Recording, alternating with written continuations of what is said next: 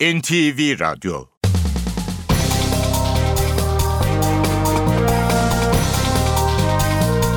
İşe Giderken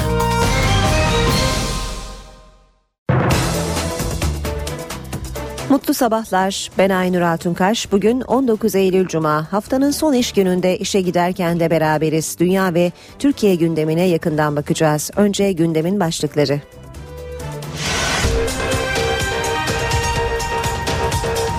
Suriye'de IŞİD saldırılarından kaçan yüzlerce Suriyeli Şanlıurfa'nın Suruç ilçesi sınırında bekliyor. Suriyelilere gece Türkiye tarafındaki akrabaları tarafından gıda yardımı yapıldı. Başbakan Ahmet Davutoğlu ilk hedefimiz göç edenlere bulundukları yerde yardım etmek dedi. Amerika Birleşik Devletleri Başkanı Barack Obama'nın IŞİD'e karşı Suriyeli muhaliflere askeri ekipman ve eğitim desteği verilmesini öngören teklifi Senato'dan da onay aldı. 3 yıl aradan sonra TÜSİAD'ın toplantısına katılan Cumhurbaşkanı Erdoğan, yapay kavgaları sona erdirelim, zaman yumrukları sıkma değil tokalaşma zamanıdır dedi. UEFA Avrupa Ligi'nde Beşiktaş Yunan Asteras'ta 1-1 berabere kaldı. Trabzonspor'da Metelis Karkiv'i 2-1 yendi. CHP Genel Başkanı Kemal Kılıçdaroğlu Beşiktaş Asteras maçını protokol tribününde izledi. İskoçya halkı bağımsızlık için oy kullandı. İlk sonuçlara göre hayır diyenler önde. Milli Eğitim Bakanlığı bugün 40 bin öğretmenin atamasını gerçekleştirecek. İşe Giderken gazetelerin gündemi.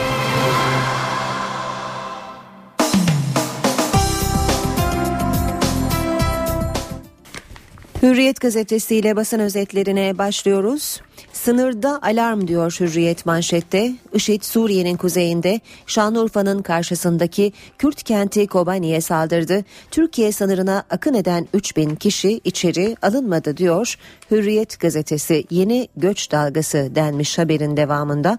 Suriye'de IŞİD kontrolündeki Tel Abyad'la PYD kontrolündeki Kobani arasında bulunan köylerde çatışmaların yeniden başlaması üzerine korkuya kapılan çoğunluğu kadın ve çocuk 3000 kadar Suriyelinin Suruç ilçesine bağlı Dikmetaş köyündeki sınır hattına dayandığı ifade ediliyor.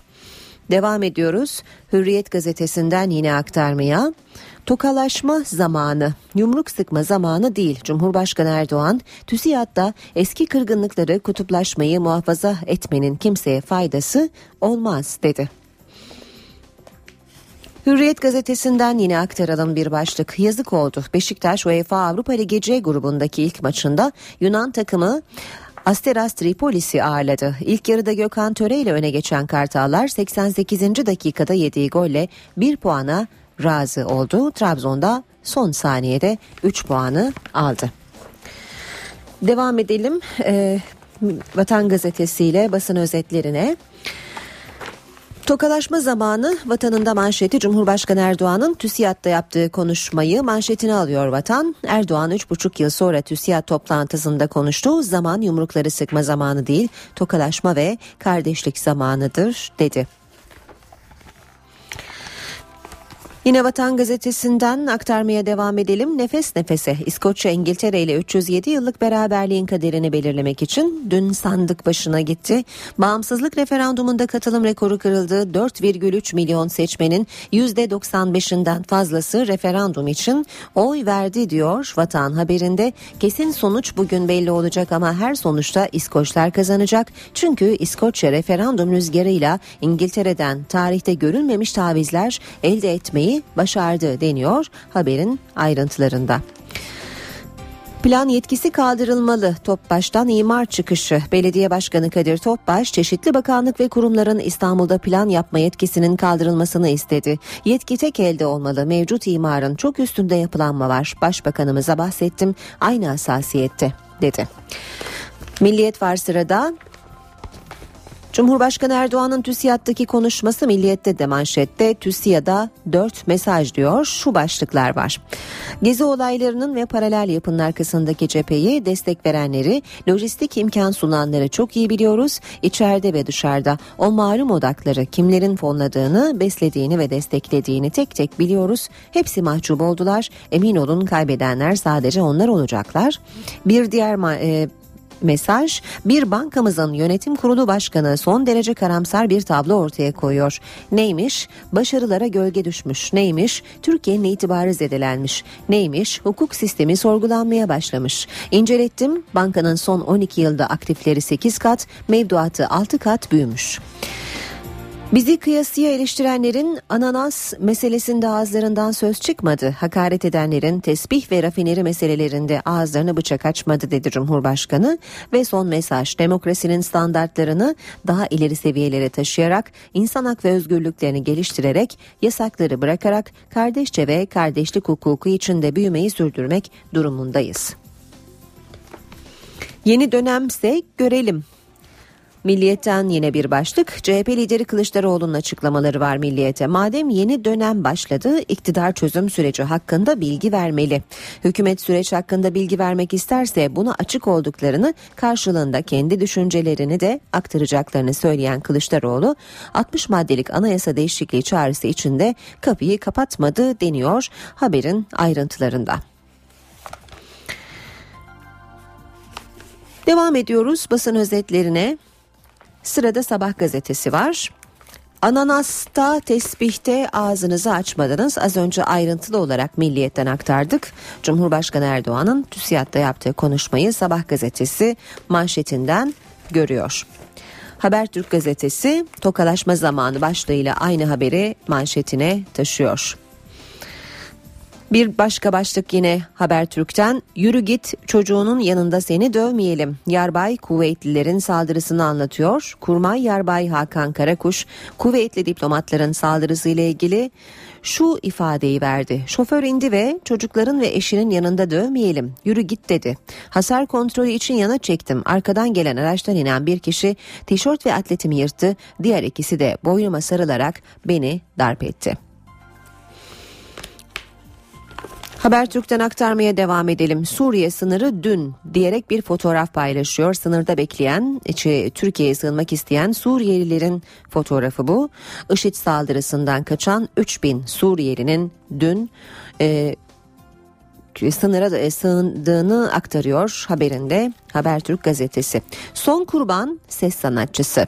İki yıl önce trafik kazasında eşini kaybeden ve 5 yaşında çocuğu olan ses sanatçısı Hatice Kaçmaz evlilik teklifini reddettiği OM tarafından Ankara'da 15 bıçak darbesiyle öldürüldü. Hatice Kaçmaz 33 yaşındaydı.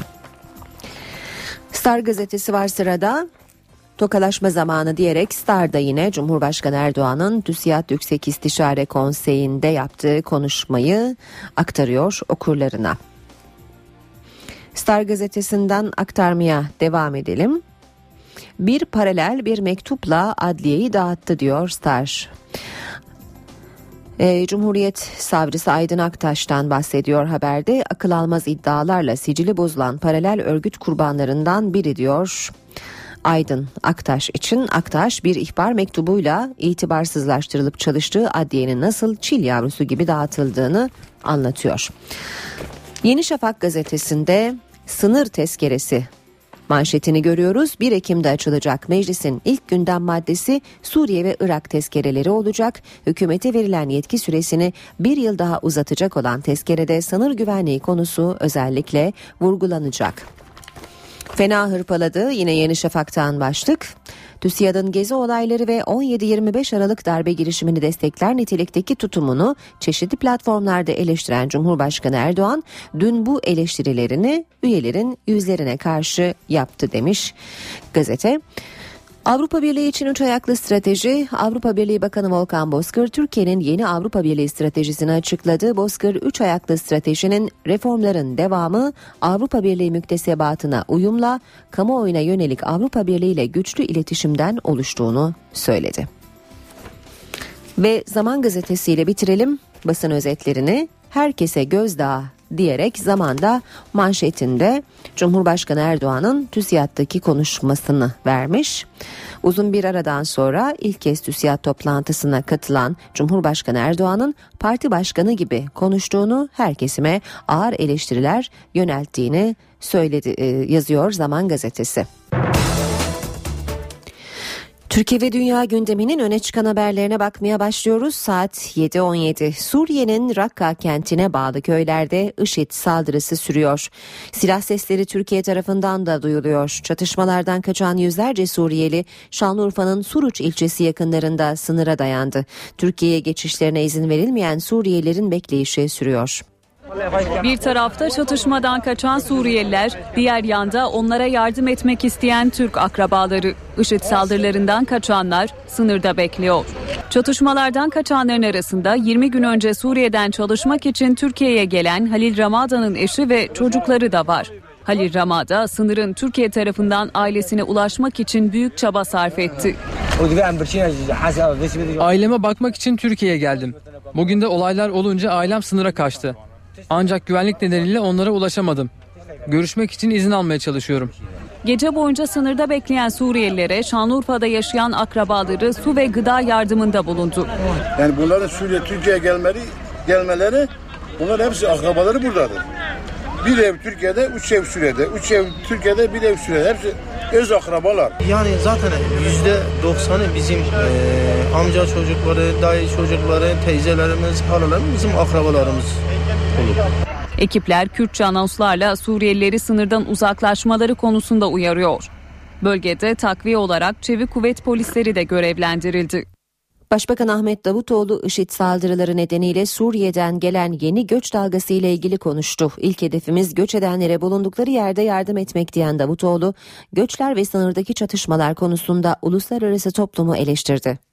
Tabii ilk hedefimiz, ilk aşamada temel hedefimiz bu kardeşlerimize bulundukları yerlerde yardım edebilmek için sınırdan yardım çalışmalarını yürütmek ve sınır boylarında birikmiş kardeşlerimize hangi etnik ve dini veya mezhebi kökenden olursa olsun hepsine yardım etmeye hazırız. E, valilerimize gerekli talimatlar verildi sınır boyundaki valilerimize. Şu anda esas hedefimiz oradaki ihtiyaçları karşılayacak şekilde valiliklerimizin sınır boylarında gerekli tedbirleri almasıdır.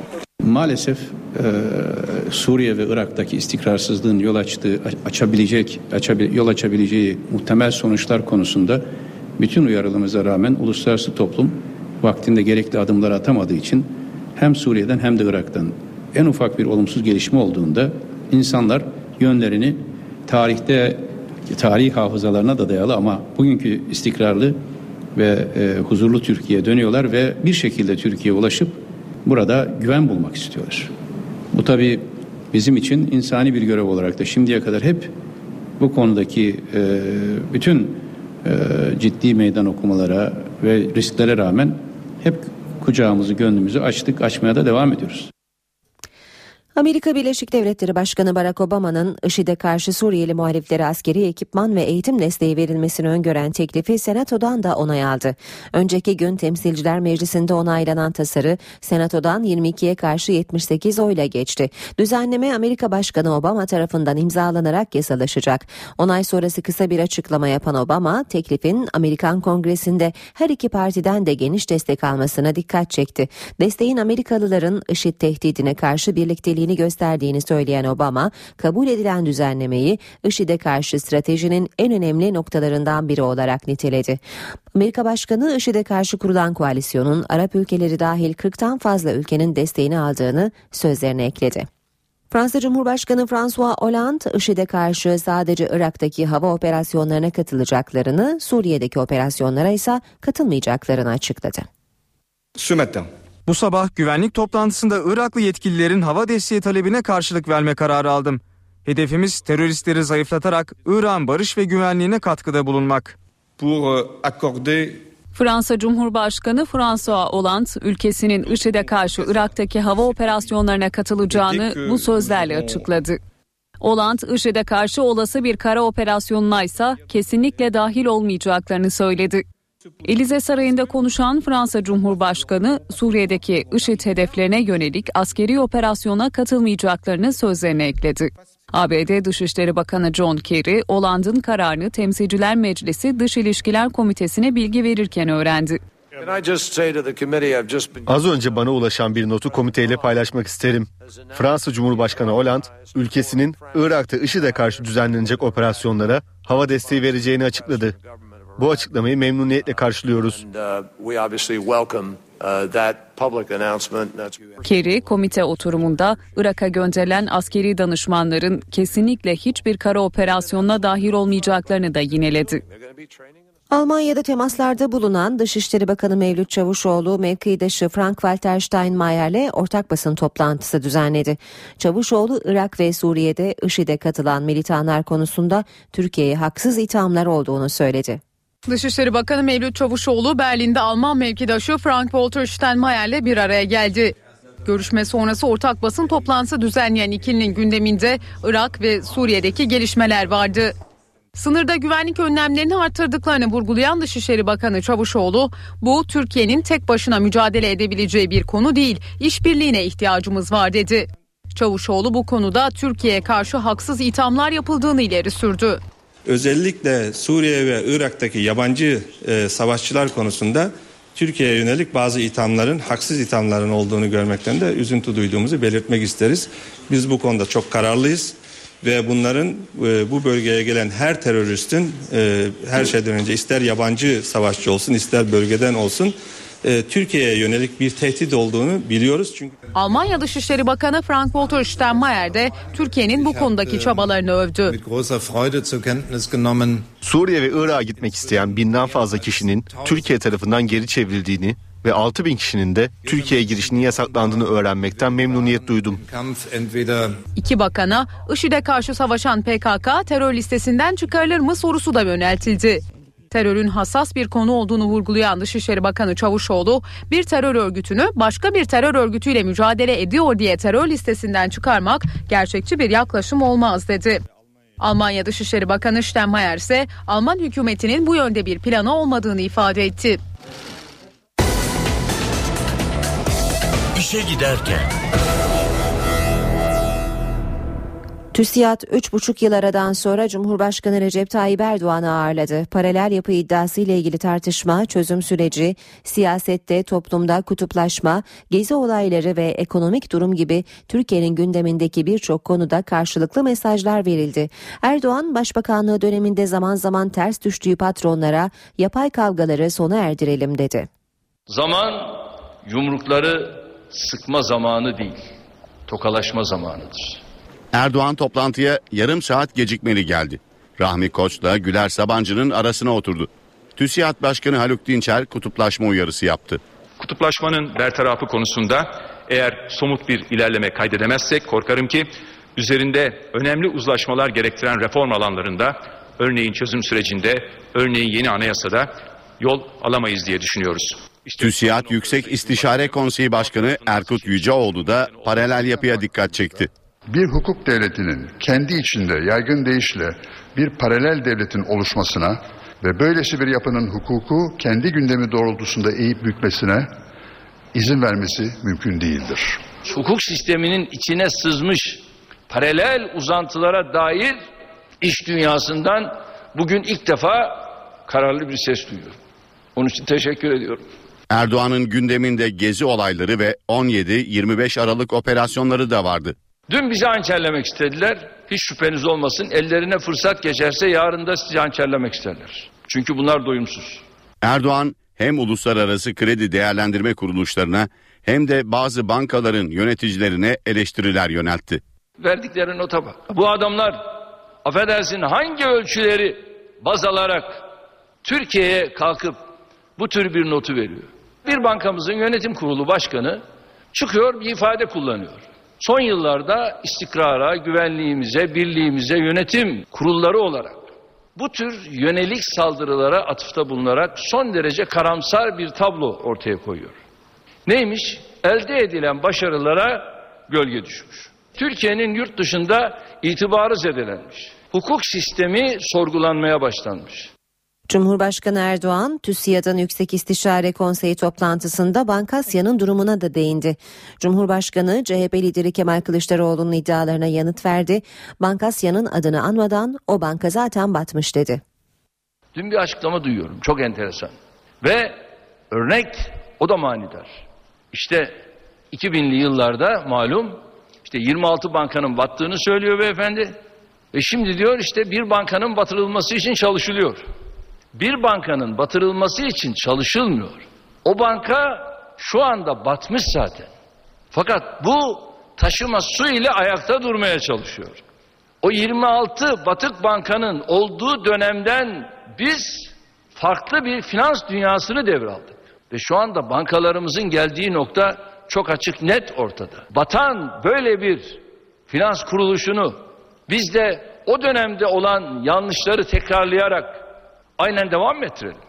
Ve bir de hakaretamiz bir şekilde Sayın Başbakan'a onun yanında da işte yüksek rakımlı yerden bahsediyor.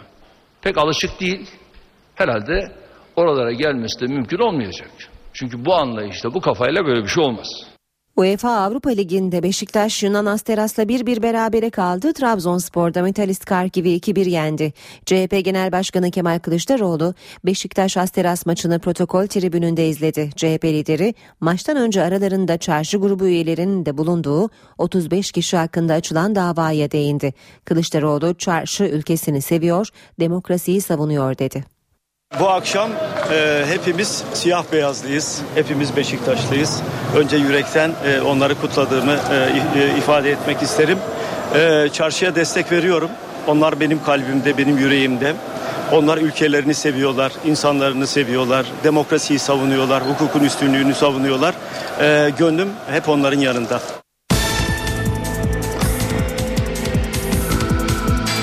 İşe giderken Avrupa İnsan Hakları Mahkemesi'nin Türkiye'yi zorunlu din dersini kaldırmaya çağırmasına Diyanet İşleri Başkanı Mehmet Görmez'den değerlendirme geldi. Görmez, zorunlu din eğitimiyle din kültürü ve ahlak dersinin farklı olduğuna dikkat çekti. Mahkemeye müracaatın ilk safhasından itibaren şahsen takip ettiğim bir konu. Mahkemeden çıkan karara da belki henüz gerekçeli kararı detaylarıyla görmüş değilim. Zorunlu din eğitimiyle zorunlu din kültürü ve ahlak bilgisi derslerini birbirinden ayırmak gerekiyor. Eğer bu iyi birbirinden iyi ayırt edildiği zaman e, Avrupa ülkelerinde de çok örnekleri olduğu için e, bu konuda herhangi bir sorun çıkacağını zannetmiyorum. Yani sorun din dersinin veya din kültürü ahlak bilgisi dersinin zorunlu olup olmaması değildir. Çünkü batıda da pek çok ülkede zorunlu din kültürü ahlak bilgisi dersleri vardır. Avrupa İnsan Hakları Mahkemesi'nin zannediyorum gördüğü sorun zorunlu din eğitimiyle din kültürü ahlak bilgisi dersinin zımnen de olsa birbirine karıştırılmasından kaynaklanmaktadır. İnanıyorum ki e, eğitimciler bunu çok iyi tefrik ettikleri zaman e, böyle bir sorun yaşanmayacaktır.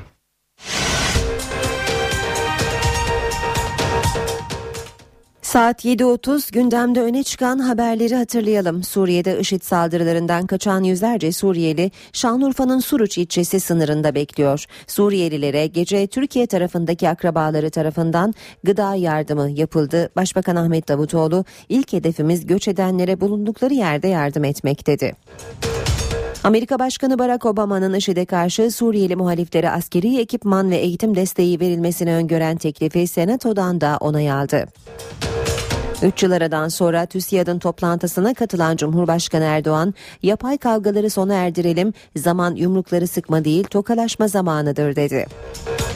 İskoçya halkı bağımsızlık için oy kullandığı ilk sonuçlara göre hayır diyenler önde. Tunceli Üniversitesi öğrencilerin talebi üzerine yerleşkede cami ve cemevi yaptırmaya karar verdi. Cami Diyanet İşleri Başkanlığı tarafından yaptırılacak, cemevi içinse hayırseverlerin katkısı bekleniyor. İstanbul Büyükşehir Belediye Başkanı Kadir Topbaş, bakanlıkların İstanbul'daki plan yapma yetkisinin kaldırılması gerektiğini söyledi. Ankara'da Belediye Başkanı Melih Gökçek ile CHP'li Aylin Nazlı Aka arasındaki su polemiği başka bir boyut kazandı. Şebeke suyu nedeniyle rahatsızlandığını söyleyen CHP'li Nazlı Aka'nın evinde ASKİ ekipleri inceleme yaptı. Sitede kuyu suyu kullanıldığı ortaya çıktı. Milli Eğitim Bakanlığı bugün 40 bin öğretmenin atamasını gerçekleştirecek. Üniversitelerde ek yerleştirme dönemi de başladı. TRT sanatçısı Hatice Kaçmaz evlilik teklifini kabul etmediği kişi tarafından bıçaklanarak öldürüldü. UEFA Avrupa Ligi'nde Beşiktaş Yunan Asteras'la 1-1 berabere kaldı. Trabzonspor'da Metalist Karkiv'i 2-1 yendi. CHP Genel Başkanı Kemal Kılıçdaroğlu Beşiktaş Asteras maçını protokol tribününde izledi. İşe giderken.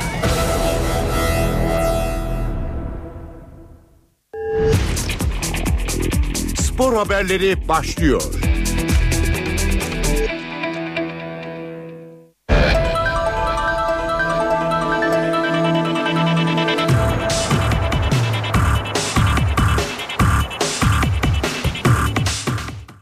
Günaydın spor gündeminden gelişmelerle birlikteyiz. Beşiktaş UEFA Avrupa Ligi'ne beraberlikle başladı. Siyah beyazlar C grubundaki ilk maçında Asteras Tripolis'e karşılaştı.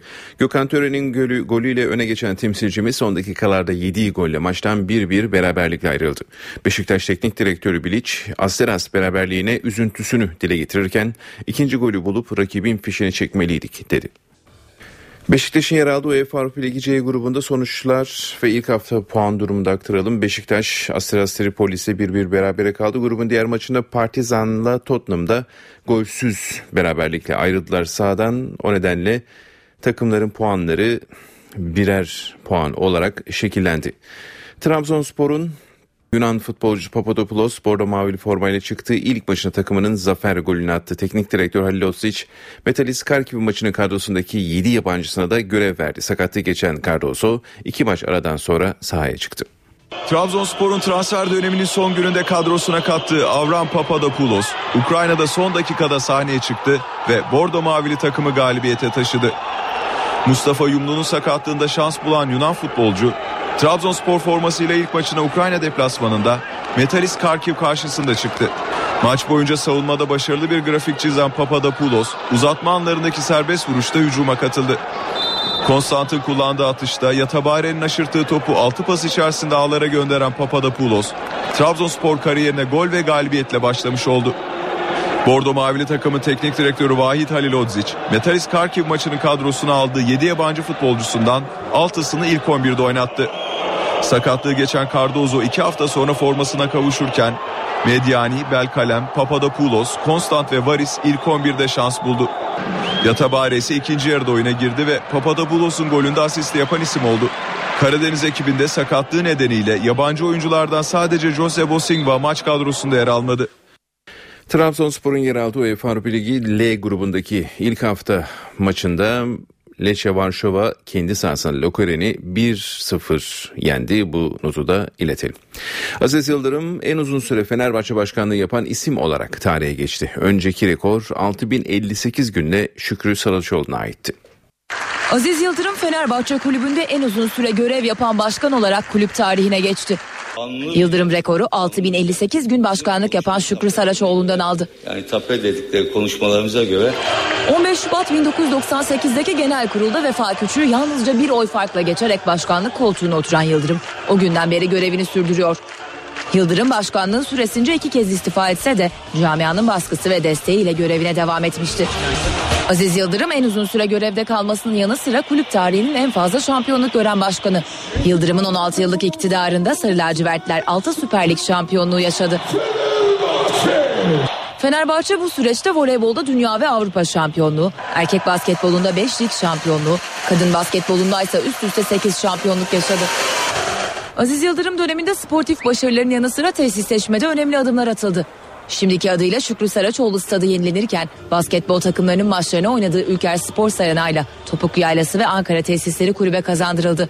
Galatasaray'da olağanüstü divan kurulunda istifa sinyali veren Başkan Ünal Aysal erken seçim kararı aldı. Seçimli olağanüstü genel kurul 18 veya 25 Ekim'de gerçekleştirilecek. Galatasaray'da seçim süreci başladı. Sarı Kırmızılı Kulübün Başkanı Ünal Aysal ve yönetim kurulu erken seçim kararı aldı. Kararın gerekçesi kulübün internet sitesinden kamuoyuyla paylaşıldı. Açıklamada 17 Eylül'de gerçekleşen olağanüstü divan kurulu camiamızın yönetim kurulumuza güveni konusunda bazı hoşnutsuzluk ve endişeleri olduğunu göstermiştir. Galatasaray çok önemli bir mücadele içindedir. Bu mücadelenin layıkıyla yürütülebilmesi için arkasında tüm camianın güveni olduğu konusunda en ufak bir şüphe bulunmayan bir yönetime ihtiyaç vardır. Bu anlayışla başkanımız ve yönetim kurulu en kısa sürede kulübümüzü seçimli genel kurula çağırma kararı almıştır denildi. Karar uyarınca Başkan Ünal Aysal ve tüm yönetim kurulunun görevden ayrıldığı belirtilen açıklamada tüm kurullar için seçimli genel kurulun kararın alındığı 18 Eylül tarihinden bir ay sonra 18 Ekim'de yapılacağı bildirildi. İlk toplantıda çoğunluk sağlanamazsa seçim 25 Ekim'de gerçekleştirilecek. Başkan Ünal Aysal NTV Spor'a yaptığı açıklamada seçimde yeniden aday olup olmayacağı konusunda henüz karar vermediğini söyledi. Aysal ailesine, dostlarına ve çevresine danıştıktan sonra kararını açıklayacağını ifade etti. Galatasaray camiasında başka adayın çıkması için sürenin yeterli olmadığı, Aysal'ın yönetimdeki bazı isimleri değiştirerek yeniden seçime gideceği yorumları yapılıyor. Bu haberimizde spor bültenimizi tamamlıyoruz. İyi günler diliyoruz. NTV Radyo. Herkese yeniden günaydın. Ben Aynur Altunkaş. IŞİD saldırılarından kaçan yüzlerce Suriyeli Şanlıurfa'nın Suruç ilçesi sınırında bekliyor. İskoçya'daki bağımsızlık referandumunda İngiltere'den ayrılmak istemeyenler önde gidiyor. Avrupa Birliği Bakanı Volkan Bozkır yeni yol haritasını anlattı. Ayrıntılar birazdan ama önce hava durumu. Gökhan Abur'la beraberiz. Hoş geldiniz Sayın Abur. Günaydın. Ee, bu hafta içinde e, kuvvetli yağışları gördük yurdun birçok bölgesinde. Haftayı bitirmek üzereyiz. Bugün ve hafta sonu hava nasıl olacak? Evet e, batıda yağış etkisini kaybediyor. Dün e, Ege'de kaybetmişti. Trakya'da bugün etkisini tamamen kaybetti. E, Marmara'nın doğusunda ve güney kesimlerinde şu anda devam ediyor. İstanbul'da da hafif yağış geçişleri vardı. İlerleyen saatlerde bu yağışlar etkisini kaybedecek. Gece saatlerinde çok hafif Boğaz ve Anadolu yakasında gece yarısına doğru hafif bir yağış olasılığı var. Onun dışında bugün ama hava serin. Oldukça serin. İstanbul'da bu şu anda hava sıcaklığı 18 derece. Beklediğimiz en yüksek sıcaklık ise 21 derece olacak. Hafta sonu İstanbul'da yağış beklemiyoruz. Özellikle yarın 1-2 derecelik artış var. Yarın sıcaklık 23-24'lere kadar çıkacak. Pazar günü 1-2 derece daha artacak. Pazartesi günü etkisi altına girecek olan girmesini beklediğimiz alçak basınç ve buna bağlı sıcak cepheden dolayı sıcaklıklar pazartesi günü bir hayli yükselecek giderek lodos kuvvetlenecek ve lodosun kuvvetlenmesiyle önümüzdeki hafta salı günü batı bölgeler yeniden kuvvetli Lodos'la beraber kuvvetli sağanakların etkisi altına girecek. Haftadan ilk sonunda tekrar sıcaklık azalacak. Tabi bunlar e, önümüzdeki hafta beklediğimiz olaylar ama şunu öncelikle söyleyebilirim. Hafta sonu Marmara'da, Ege'de ve Akdeniz'de yağış beklemiyoruz. Bugün Akdeniz'de yine öğle saatlerinin aralıklarla yağış geçişi görülürken iç kesimlerde de hafif yağış geçişleri var. Ama öncelikle Batı Karadeniz bölgesini bugün için uyarmak istiyorum. Çünkü akşama doğru giderek kuvvetlenecek yağışlar. Bolu, Karabük, Kastamonu, Sinop arasındaki bölgede giderek etkisini arttıracak ki şu anda Sinop'ta bir hayli kuvvetli yağmaya başladı. E, Sinop'tan Samsun Ordu'ya doğru ilerlemesini beklediğimiz bu kuvvetli sağanak yağışlar bu gece yarısından sonra Doğu Karadeniz bölgemize de etkili olacak ve özellikle Giresun, Trabzon, Rize, Artvin arasındaki yağışlar yarın ve pazar sabah saatlerinde yer yer kuvvetli olmak üzere yağmaya devam edecek. Evet e, doğuda ise önemli bir yağış yok. Malatya'da gök gürültülü sağanak yağış geçişi olasılığı var. Kars ve civarında bir gök gürültülü sağanak var. Güneydoğu'da ise hava ılık ve sıcaklıklar yine mevsim ortalamaları üzerinde olacak. Ankara'da beklediğimiz bugünkü en yüksek sıcaklık ise 18 derece. Ankara oldukça serin ve yağış şu anda aralıklara devam ediyor. Ve şu andaki sıcaklık 13-14 derece 18'e kadar çıkacak. İzmir'de ise şu anda sıcaklık 20 derece 25'e kadar çıkmasını bekliyoruz. Bugün hava genellikle bölgede açık az bulutlu zaman zaman parçalı bulutlu olacak. Antalya'da ise öğleden sonra yine kısa süreli yağış geçişi olasılığı var. Sıcaklık ise biraz azaldı. 26-27 dereceler civarında olacak. Evet bizleri bekleyen koşullar genellikle böyle. Gökhan Abur teşekkürler. NTV Radyo. Suriye'nin Rakka kentine bağlı köylerde IŞİD saldırısı sürüyor. Silah sesleri Türkiye tarafından da duyuluyor. Çatışmalardan kaçan yüzlerce Suriyeli Şanlıurfa'nın Suruç ilçesi yakınlarında bekliyor. Türkiye'ye geçişlerine izin verilmeyen Suriyelilerin bekleyişi devam ediyor. Bir tarafta çatışmadan kaçan Suriyeliler, diğer yanda onlara yardım etmek isteyen Türk akrabaları. IŞİD saldırılarından kaçanlar sınırda bekliyor. Çatışmalardan kaçanların arasında 20 gün önce Suriye'den çalışmak için Türkiye'ye gelen Halil Ramada'nın eşi ve çocukları da var. Halil Ramada sınırın Türkiye tarafından ailesine ulaşmak için büyük çaba sarf etti. Aileme bakmak için Türkiye'ye geldim. Bugün de olaylar olunca ailem sınıra kaçtı. Ancak güvenlik nedeniyle onlara ulaşamadım. Görüşmek için izin almaya çalışıyorum. Gece boyunca sınırda bekleyen Suriyelilere Şanlıurfa'da yaşayan akrabaları su ve gıda yardımında bulundu. Yani bunların Suriye Türkiye'ye gelmeleri, gelmeleri bunlar hepsi akrabaları buradadır. Bir ev Türkiye'de, üç ev Suriye'de. Üç ev Türkiye'de, bir ev Suriye'de. Hepsi öz akrabalar. Yani zaten yüzde doksanı bizim e, amca çocukları, dayı çocukları, teyzelerimiz, halalarımız bizim akrabalarımız olur. Ekipler Kürtçe anonslarla Suriyelileri sınırdan uzaklaşmaları konusunda uyarıyor. Bölgede takviye olarak çevik kuvvet polisleri de görevlendirildi. Başbakan Ahmet Davutoğlu IŞİD saldırıları nedeniyle Suriye'den gelen yeni göç dalgası ile ilgili konuştu. İlk hedefimiz göç edenlere bulundukları yerde yardım etmek diyen Davutoğlu, göçler ve sınırdaki çatışmalar konusunda ise uluslararası toplumu eleştirdi. Tabii ilk hedefimiz, ilk aşamada temel hedefimiz bu kardeşlerimize bulundukları yerlerde yardım edebilmek için sınırdan yardım çalışmalarını yürütmek ve sınır boylarında birikmiş kardeşlerimize hangi etnik ve dini veya mezhebi kökenden olursa olsun hepsine yardım etmeye hazırız.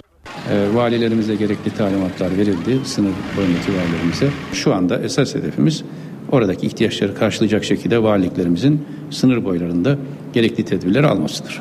Maalesef e, Suriye ve Irak'taki istikrarsızlığın yol açtığı açabilecek açabil, yol açabileceği muhtemel sonuçlar konusunda bütün uyarılımıza rağmen uluslararası toplum vaktinde gerekli adımlar atamadığı için hem Suriye'den hem de Irak'tan en ufak bir olumsuz gelişme olduğunda insanlar yönlerini tarihte tarihi hafızalarına da dayalı ama bugünkü istikrarlı ve e, huzurlu Türkiye'ye dönüyorlar ve bir şekilde Türkiye'ye ulaşıp burada güven bulmak istiyorlar. Bu tabi bizim için insani bir görev olarak da şimdiye kadar hep bu konudaki e, bütün e, ciddi meydan okumalara ve risklere rağmen hep kucağımızı gönlümüzü açtık açmaya da devam ediyoruz. Amerika Birleşik Devletleri Dışişleri Bakanı John Kerry'nin IŞİD'in petrol kaçakçılığı yaptığı ülkeler konusunda Türkiye ve Lübnan'ı işaret eden açıklaması Ankara'nın gündemindeydi. Enerji ve Gümrük Bakanları iddiaları yalanladı. Algı oluşturulmasıyla alakalı gayretlere şahit oluyoruz. Türkiye IŞİD'den herhangi bir petrol almamıştır. Söylendiği gibi hiçbir şekilde IŞİD'le doğrudan ya da dolaylı olarak en ufak bir petrol ticareti e, alımı satımı söz konusu değildir. Türkiye IŞİD'den petrol alıyor iddiasına Ankara'dan üst üste iki yalanlama geldi. Enerji Bakanı Taner Yıldız Türkiye'nin imajını bozmak istiyorlar dedi. Türkiye'nin IŞİD gibi bir muhatabı yok. Petrol tedariki ile alakalı bir muhatabı yok. Birçok açıdan muhatap olmadığı gibi. IŞİD'le inintilendirilmeye çalışılıyor olmamız Türkiye'nin imajının bozulmasına dönük bir gayrettir. Gümrük ve Ticaret Bakanı Nurettin Canikli ise iddianın dayanaksız olduğu görüşünde. Bütün bu kayıtlar bakanlığımız e, bakanlığımızda vardır. Yani e, tüm petrol ticareti, ithalat, e, ihracat, transit ticaret e, tüm kayıtlar, tüm bilgiler e, sorumluluk itibariyle bakanlığımızın yetki alanındadır. Çok açık, net e, olarak bunu ifade etmek istiyorum. Amerika Birleşik Devletleri Dışişleri Bakanı John Kerry, IŞİD'e ait kaçak petrollerin Türkiye ve Lübnan üzerinden taşındığını söylemişti. Ve İskoçya, İskoçya'dan yeni haberler var. Halk Birleşik Krallık'tan ayrılmama yönünde tercih yaptı. Referanduma gitmişti İskoç halkı 32 bölgeden 26'sında oy sayımı tamamlandı. Hayır oyları çoğunlukta. İngiliz medyası da İskoçların bağımsızlığa hayır dediğini aktarıyor. 4 milyon 200 binden fazla seçmenin yaşadığı İskoçya'da referanduma katılım oranı %90 civarında.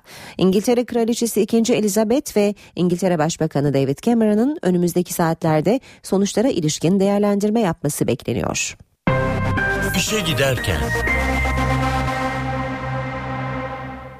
Avrupa Birliği yetkilileriyle görüşmek üzere Brüksel'de bulunan Avrupa Birliği Bakanı Volkan Bozkır, üye ülkelerdeki Türkiye algısını değiştirmek için çaba harcayacaklarını söyledi.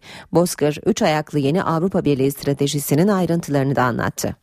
Yeni Cumhurbaşkanımızın Cumhuriyet tarihinde ilk defa halk tarafından seçilmesiyle birlikte Türkiye'de tabii yeni bir başbakan, yeni bir hükümet, e, gerçekten e, yeni Türkiye diyeceğimiz bir yeni e, yeniliğe doğru e, gidiyoruz. Avrupa Birliği Bakanı ve Baş Müzakereci Volkan Bozkır Brüksel temaslarını değerlendirdi. Volkan Bozkır Avrupa Birliği'ndeki Türkiye algısını değiştirmek için yoğun çaba harcayacaklarını söyledi. Yeni Türkiye vurgusu yaptı. Bakan Bozkır üç ayaklı yeni Avrupa Birliği stratejisini de açıkladı. Bu çerçevede Türkiye'deki reformu izleme grubunun daha aktif hale getirileceğini söyledi. AB'ye uyum için ulusal eylem planı hazırlayacaklarını belirtti. Volkan Bozkır, AB iletişim grubunu yeniden canlandıracaklarını da kaydetti. 8 Ekim'de yayınlanacak olan ilerleme raporu öncesi Avrupa Komisyonu yetkilileriyle görüşen Volkan Bozkır, kullanılacak üslubun önemine dikkat çekti. Geçmişte Türkiye'nin kendi ilerleme raporlarını kaleme aldığının hatırlatılması üzerine ise uluslararası sistemde yeri olmayan belgeleri bir kenara bırakmak gerekir dedi. TÜSİAD 3,5 yıl aradan sonra Cumhurbaşkanı Recep Tayyip Erdoğan'ı ağırladı. Paralel yapı iddiası ile ilgili tartışma, çözüm süreci, siyasette toplumda kutuplaşma, gezi olayları ve ekonomik durum gibi Türkiye'nin gündemindeki birçok konuda karşılıklı mesajlar verildi. Erdoğan Başbakanlığı döneminde zaman zaman ters düştüğü patronlara yapay kavgaları sona erdirelim dedi. Zaman yumrukları sıkma zamanı değil, tokalaşma zamanıdır. Erdoğan toplantıya yarım saat gecikmeli geldi. Rahmi Koç'la Güler Sabancı'nın arasına oturdu. TÜSİAD Başkanı Haluk Dinçer kutuplaşma uyarısı yaptı. Kutuplaşmanın bertarafı konusunda eğer somut bir ilerleme kaydedemezsek korkarım ki üzerinde önemli uzlaşmalar gerektiren reform alanlarında örneğin çözüm sürecinde, örneğin yeni anayasada yol alamayız diye düşünüyoruz. İşte TÜSİAD Yüksek İstişare Konseyi Başkanı Erkut Yüceoğlu da paralel yapıya dikkat çekti bir hukuk devletinin kendi içinde yaygın deyişle bir paralel devletin oluşmasına ve böylesi bir yapının hukuku kendi gündemi doğrultusunda eğip bükmesine izin vermesi mümkün değildir. Hukuk sisteminin içine sızmış paralel uzantılara dair iş dünyasından bugün ilk defa kararlı bir ses duyuyorum. Onun için teşekkür ediyorum. Erdoğan'ın gündeminde gezi olayları ve 17-25 Aralık operasyonları da vardı. Dün bizi hançerlemek istediler. Hiç şüpheniz olmasın. Ellerine fırsat geçerse yarın da sizi hançerlemek isterler. Çünkü bunlar doyumsuz. Erdoğan hem uluslararası kredi değerlendirme kuruluşlarına hem de bazı bankaların yöneticilerine eleştiriler yöneltti. Verdikleri nota bak. Bu adamlar affedersin hangi ölçüleri baz alarak Türkiye'ye kalkıp bu tür bir notu veriyor.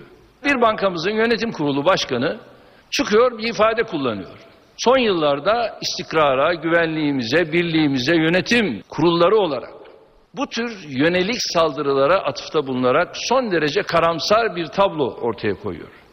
Neymiş? Elde edilen başarılara gölge düşmüş. Türkiye'nin yurt dışında itibarı zedelenmiş. Hukuk sistemi sorgulanmaya başlanmış.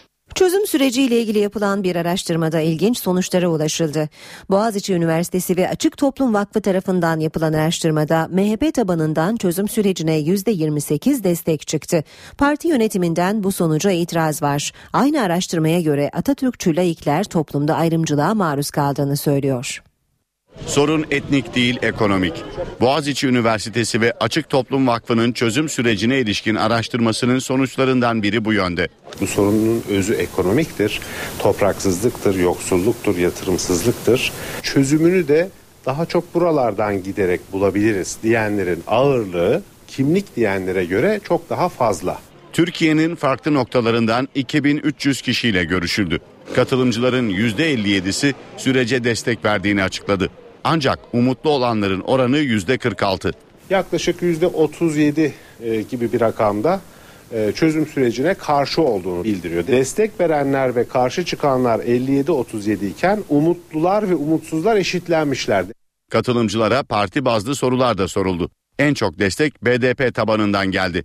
MHP'lilerden çözüm sürecine %28 destek çıktı. Ancak parti yönetimi sonuca tepkili. Bu bilgi kesinlikle yanlış. Bu noktada tek e, dik duruşa sahip bir partinin tabanında böyle bir rakamı veya oranı bulmak çok garip. Bu görüş ve düşünceleri e, biz maksatlı buluyoruz. Toplum veya halk manipüle ediliyor. Profesör Hakan Yılmaz'a göre süreç partisel değil toplumsal olmalı. Çözüm süreci fazlasıyla e, partisel kutuplaşmaya tabi olmuş e, ve partisel kutuplaşmanın, partiler arası bloklaşmanın bir parçası haline ne yazık ki e, gelmiş durumda. Atatürkçü laik katılımcıların %10'undan fazlasının ayrımcı muamele gördüğünü belirtmesi araştırmanın dikkat çekici sonuçlarından. Milli Eğitim Bakanlığı bugün 40 bin öğretmenin atamasını gerçekleştirecek. Atamalar saat 16'da Milli Eğitim Bakanlığı Baş Öğretmen Salonu'nda düzenlenecek törenle yapılacak. 40 bin öğretmenin ataması aynı anda bilgisayar ortamında gerçekleşecek. Öğretmen adayları atandıkları şehir ve okulu Milli Eğitim Bakanlığı'nın internet adresinden öğrenebilecek. Üniversitelerde ek yerleştirme dönemi başladı. 200 bine yakın boş kontenjan için adaylar 25 Eylül'e kadar tercih yapacak. Eğitim yazarı Burak Kılanç adayları uyarıyor. Boğaziçi Üniversitesi'nde 33 tane boş kontenjan var. İstanbul Teknik Üniversitesi'ne baktığımızda e, toplam 51 kontenjanın boş kaldığını görüyoruz. ODTÜ'de e, 42 kontenjanın boş kaldığını görüyoruz. Boğaziçi, İTÜ ve ODTÜ. Türkiye'nin en çok tercih edilen üniversitelerinde pek çok boş kontenjan oluştu. Üniversiteye giremeyen adayların umudu ek yerleştirme dönemi başladı. Neredeyse üniversitenin tamamında boş kontenjanlar var. Bunlar ilk yerleştirmede yani Temmuz ayında esasında tamamıyla dolan bölümler ancak daha sonra bazı öğrenciler gidip kayıt yaptırmıyorlar. Öyle olduğu için de bu kontenjanlar boşa çıkıyor. Peki ek yerleştirme döneminde kimler tercih yapabilir? İlk yerleştirmede yani Temmuz ayındaki süreçte hiçbir şekilde yerleşmemiş olmak gerekiyor.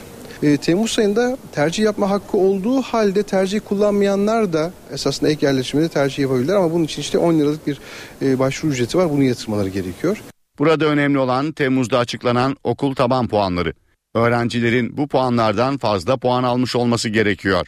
Tunceli Üniversitesi öğrencilerin talebi üzerine yerleşkede cami ve cemevi yaptırmaya karar verdi. Cami Diyanet İşleri Başkanlığı tarafından yaptırılacak. Cemevi için hayırseverlerin katkısı bekleniyor.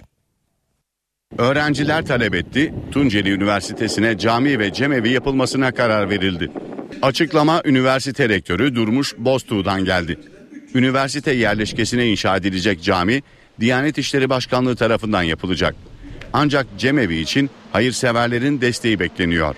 Kampüsün mimari yapısıyla uyumlu olarak inşa edilecek cami ile cemevinin temeli Nisan ayında atılacak.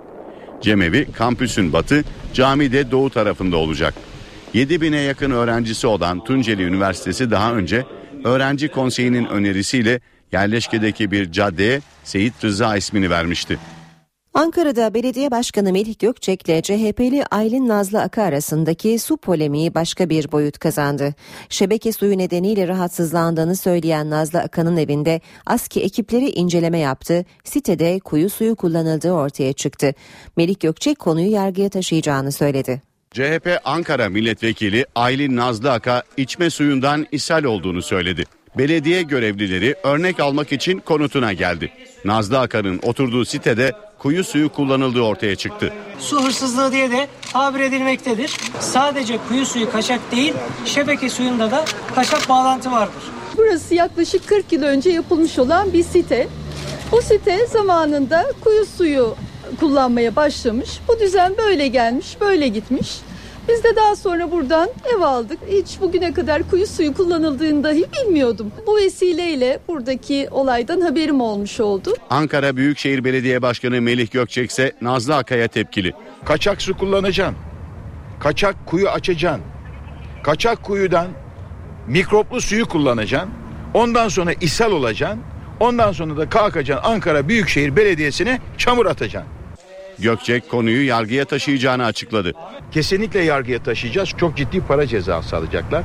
Ayrıca da kaçak su kullandıkları için bir yıldan üç yıla kadar hapis cezası var. Bununla ilgili olarak ödeyeceğimiz bir ceza varsa tabii ki bu cezayı öderiz. Biz cezaya ödemekten kaçınmıyoruz. İstanbul Büyükşehir Belediye Başkanı Kadir Topbaş, bakanlıkların İstanbul'daki plan yapma yetkisinin kaldırılması gerektiğini söyledi. Topbaş, kentsel dönüşüm zirvesinde konuştu. İstanbul üzerinde ben Sayın Başbakanımıza da aktardım onu özellikle bahsettim. İstanbul çok farklı bir kent. Bu kent yönetiminin biraz daha farklı olması gerektiğini üzerinde durdum ve özellikle bütün bir takım bakanlıkların, e, kurumların İstanbul'daki plan yapma yetkisinin de İstanbul'dan kalkmasını söyledim.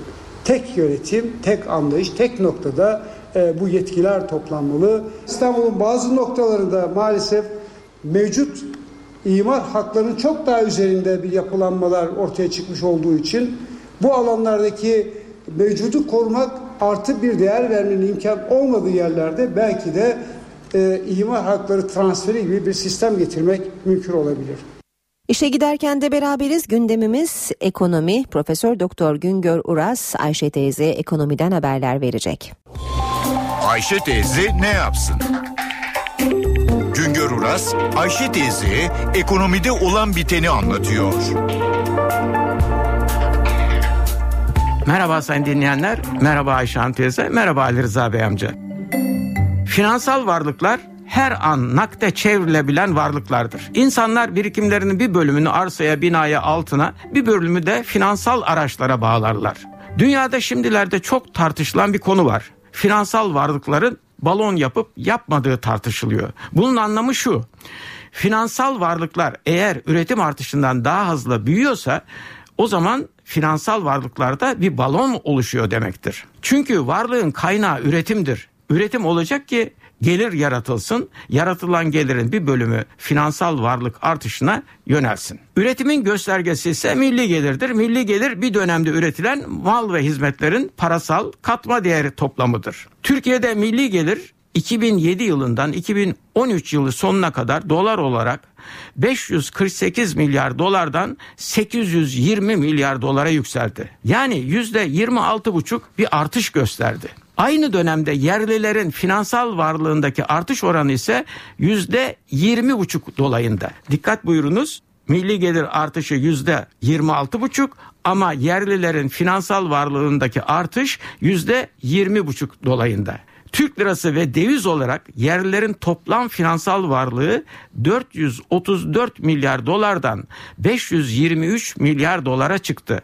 Açık anlatımıyla çok ülkede karşılaşılan durumun tersine bizde finansal varlık artışı üretimdeki milli gelirdeki büyümenin gerisinde kaldı. Küresel kriz birçok ülkede finansal varlıkları eritti, yok etti. Buna karşı Türkiye'de finansal varlığı olanların varlıkları kriz rüzgarından etkilenmedi. Tersine Bazıları faiz ve kur etkisinde arttı. Ama genelde finansal varlık toplamı gene de büyümüyor. Çünkü finansal varlığa yeni eklemeler yapılmıyor. Tasarruf oranımız çok düşük. Üretim ve gelir artarken halkımız tasarruf yerine tüketime ağırlık veriyor.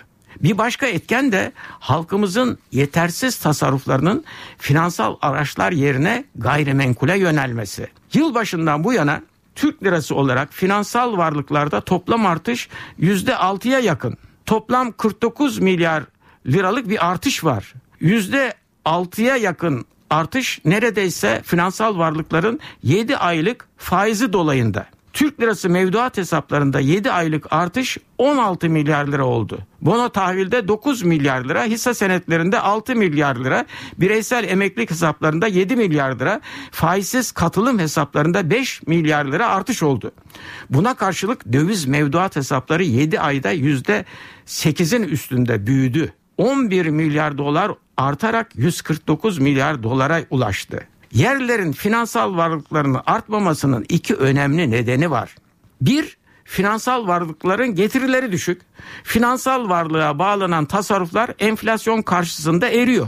2014 yılının ilk 7 ayında 3 ay vadeli banka mevduat hesaplarındaki birikimler net faiz ödemesinden sonra bile %1'e yakın kaybettirdi. 2014 yılının ilk 7 ayında finansal yatırım araçlarından sadece hisse senedi net getiri sağladı. İki, genelde gelirimizden fazlasını harcamaya alıştık. Bu nedenle tasarruf oranlarımız düştü.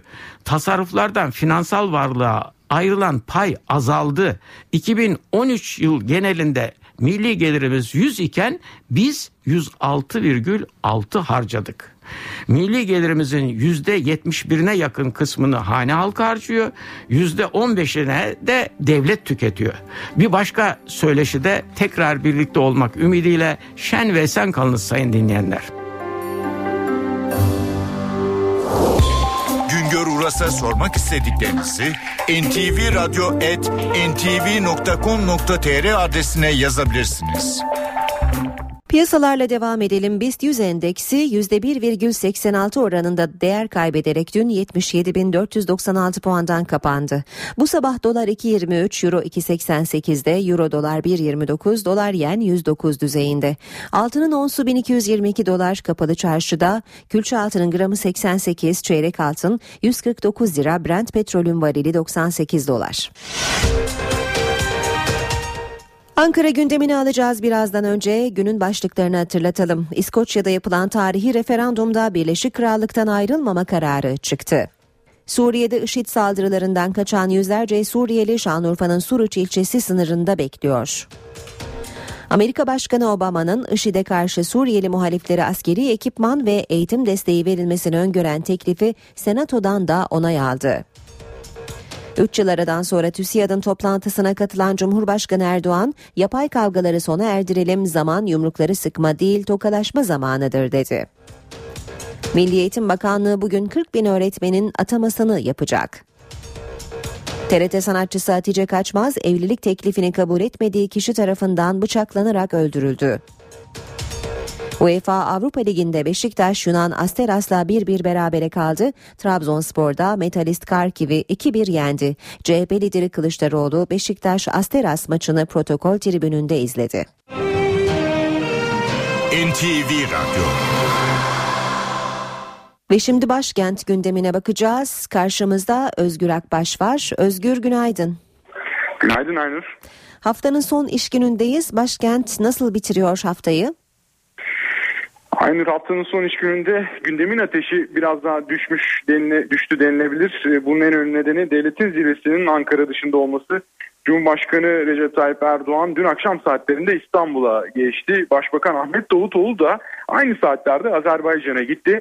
Dün Davutoğlu'nun Azerbaycan'a giderken e, sözleri bir hayli önemliydi. IŞİD'den kaçan ve Türkiye sınırına gelen Suriyelilere Türkiye'de değil Suriye sınırı içinde yardım yapılacağını ve bu konuda valilere talimat verdiklerini söyledi Başbakan Ahmet Davutoğlu. Bu açıklamalar bugün de en önemli gündem maddesi olacak gibi gözüküyor. Bugün başkentteki en önemli gündem maddesi ise öğretmen e, atamaları. Öğretmen adayları uzunca bir zamandır bugünü bekliyordu. 40 bin öğretmenin ataması bugün düzenlenecek törenle yapılacak. Tören saat 16'da Milliyetin Bakanlığı Baş Öğretmen Salonu'nda gerçekleşecek. Bilgisayar ortamında yapılacak işlemin ardından öğretmen adayları hangi şehirde ve hangi okula atandıklarını birkaç dakika içinde öğrenecekler ve bugünkü törende de yine sevinç gözyaşlarının dökülmesi bekleniyor. Bugün aynı zamanda 19 Eylül Gaziler Günü. Gaziler bu özel gün nedeniyle Anıtkabir'i ziyaret edecekler. Atanın huzuruna çıkacaklar ve mozesine bir çelenk bırakacaklar.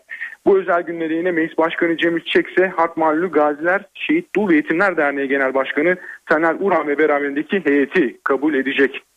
Bugün başkentte önemli bir dava var. Yargıtay 11. Ceza Dairesi'ne CHP Denizli Milletvekili İlhan Caner ve emekli orgeneral Sandıray Berk'in de aralarında bulunduğu 11 sanığın terör örgütü üyeliği suçundan yargılandığı davaya bugün de devam edilecek.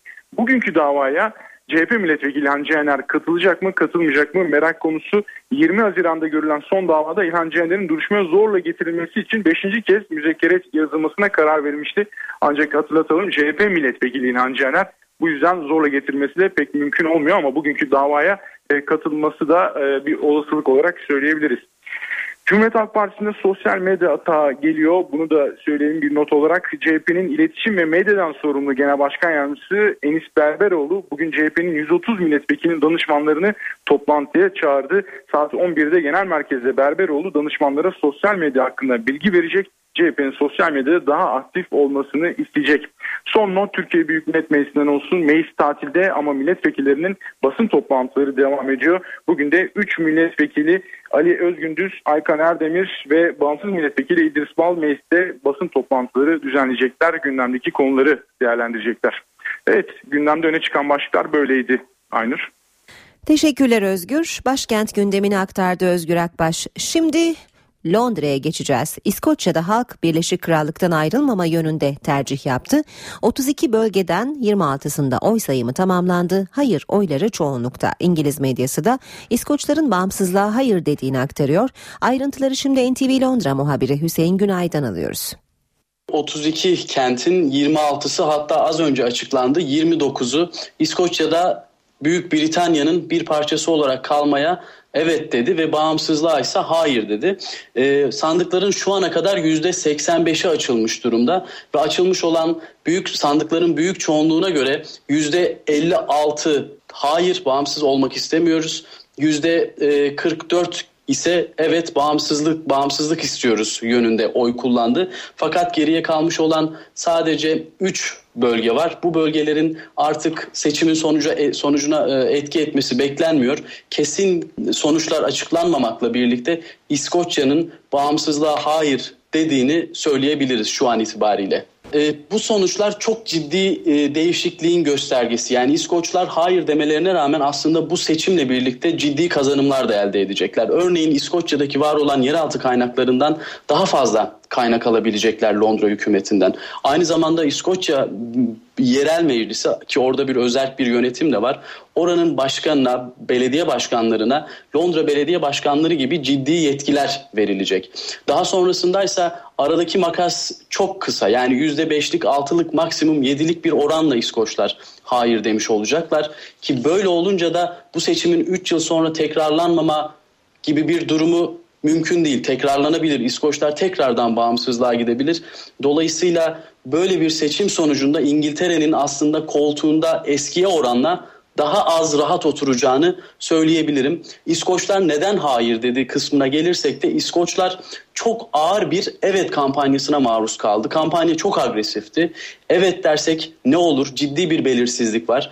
Özellikle İngiltere'nin eski başbakanlarının, eski, maliye bakanlarının, hali hazırdaki başbakanının, e, ana muhalefet partisi liderinin, koalisyonun ortağı olan Nick Clegg hepsinin birden İskoçya'ya gitmesi ve kraliçenin de mesajlarıyla birlikte, ünlülerin mesajlarıyla birlikte aslında İskoçlar bir yerde önünü göremez hale geldi ve ortaya çıkacak olan belirsizlikten korktu. Evet belki e, petrol kaynaklarımız açısından bizim için gayri safi milli hasıla noktasında daha karlı bir e, sonuç elde edebiliriz kısmı bir kenarda duruyordu ama peki 100 yıl sonra ne olacak kısmındaysa çok açık bir yanıt alamadılar. NTV Radyo NTV Radyo'da işe giderkenin son bölümündeyiz. TRT sanatçısı Hatice Kaçmaz evlilik teklifini kabul etmediği kişi tarafından bıçaklanarak öldürüldü.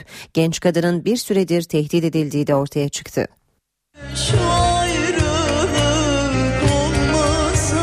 Hatice Kaçmaz 5 yaşında bir kız çocuğu annesiydi. Türkiye'nin acı gerçeği kadın cinayetlerinin son kurbanı oldu.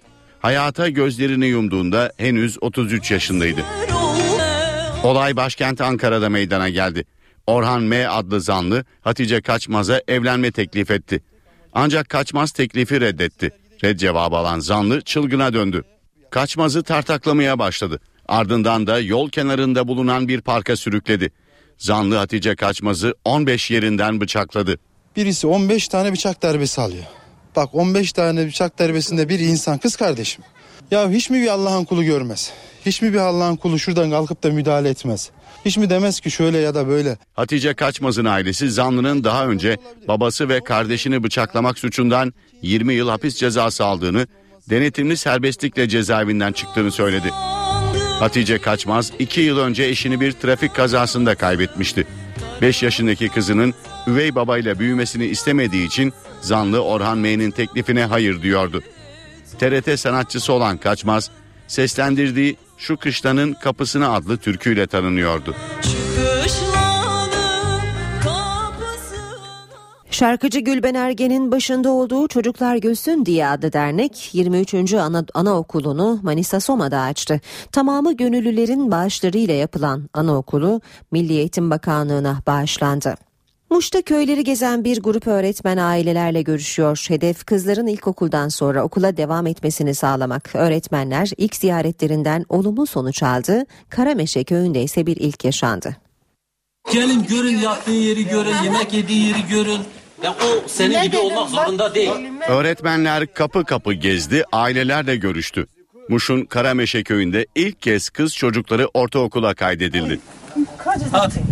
Sungu Kız Yatılı Bölge Ortaokulu öğretmenleri yeni eğitim öğretim yılının başında bir çalışma başlattı. Daha önce hiçbir kız çocuğunun ilkokuldan sonra eğitime devam etmediği Karameşe köyüne gitti. Öğretmenler kızlarını okula göndermeleri için aileleri ikna etmeye çalıştı. Sadece dersine çalışacak. Yemeği de yurttan. Hasta olsa biz doktora götürüyoruz. Çabalar sonuç verdi. Üç ailenin kızları ortaokula kaydedildi. Bir anda okullu olan çocuklar tedirgindi. Bundan sonra inşallah biz gönderiyoruz. Çocuklara iyi bakın, iyi ders verin. Doktor olsun, öğretmen olsun. Bizim gelecek için iyidir. Sungu Kız Yatılı Bölge Ortaokulu öğretmenleri bir ay içinde okulun çevresindeki 17 köyü de gezip ailelerle görüşecek. Iğdırlıların en önemli ulaşım aracı bisiklet. 190 bin nüfuslu kentte 40 bin kişi bisikletle ulaşımını sağlıyor. Bu ilde her 5 kişiden biri bisiklet kullanıyor. Iğdır'da ben e, burada genellikle biz bisikletlere biniyoruz. Çünkü düz ova olduğu için. Türkiye'nin en doğusunda bulunan Iğdır en fazla bisikletin kullanıldığı illerin başında geliyor. 190 bin nüfuslu kentte 40 bin kişi şehir içi ulaşımda bisikleti tercih ediyor. Iğdır'da bisiklet sayısının bu kadar fazla olmasının temel nedenlerinden biri ovada kurulu olan kentin coğrafi yapısı. Düz ova olduğu için öyle bütün vatandaş bisikletler biniyor. Her işimizi de bisikletle görüyoruz. Burada da arabaya kimse ihtiyaç duymuyor. Herkes bisikletle ihtiyaçlarına karşılıyor. Onun için bu kadar bisiklet fazlalığı var. Bisikletlerin park edildiği özel alanların olduğu kentte Türkiye Bisiklet Federasyonu'na bağlı il temsilciliği de bulunuyor. Çiftçilerimiz, halkımız, vatandaşımız, doktorumuz, polisimiz hepimiz bu bisikletten gidip geliyor. Tamircinin de işine yarıyor bu değil mi? Tamirci işini yarıyor, vatandaşını arıyor. Biz her şeye kolaylığı Iğdır'da gösteriyoruz. Bu haberle işe giderken sona eriyor. Ben Aynur Altunkaş. Saat başında haber merkezi kuşağında buluşmak üzere. Hoşçakalın. NTV Radyo